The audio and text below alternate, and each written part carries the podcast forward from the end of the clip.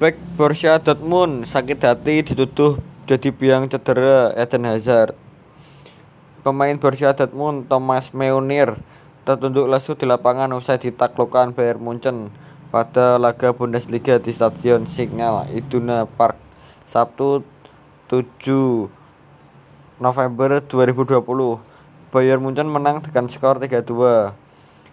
Baik Borussia Dortmund Thomas Meunier mengungkit luka lama. Ia mengingat bentrok dengan Presiden Real Madrid Florentino Perez atas masalah cederanya Eden Hazard pada musim lalu.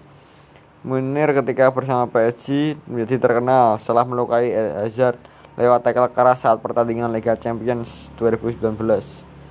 Berbicara dengan RTBT, dia mengingat pertemuan berikutnya dengan Florentino. Kami bertemu saat mengelurkan tangan keduanya dan saya berkata, senang. Dia menjawab, saya dalam bahasa Inggris senang bertemu dengan Anda. Apakah Anda menyadari apa yang Anda lakukan? Anda menyakiti Hazard dan Anda memberitahu saya senang, kata Menir. Saya marah dan berkata, apakah saya menyakiti Hazard? Apakah salahku dia terluka?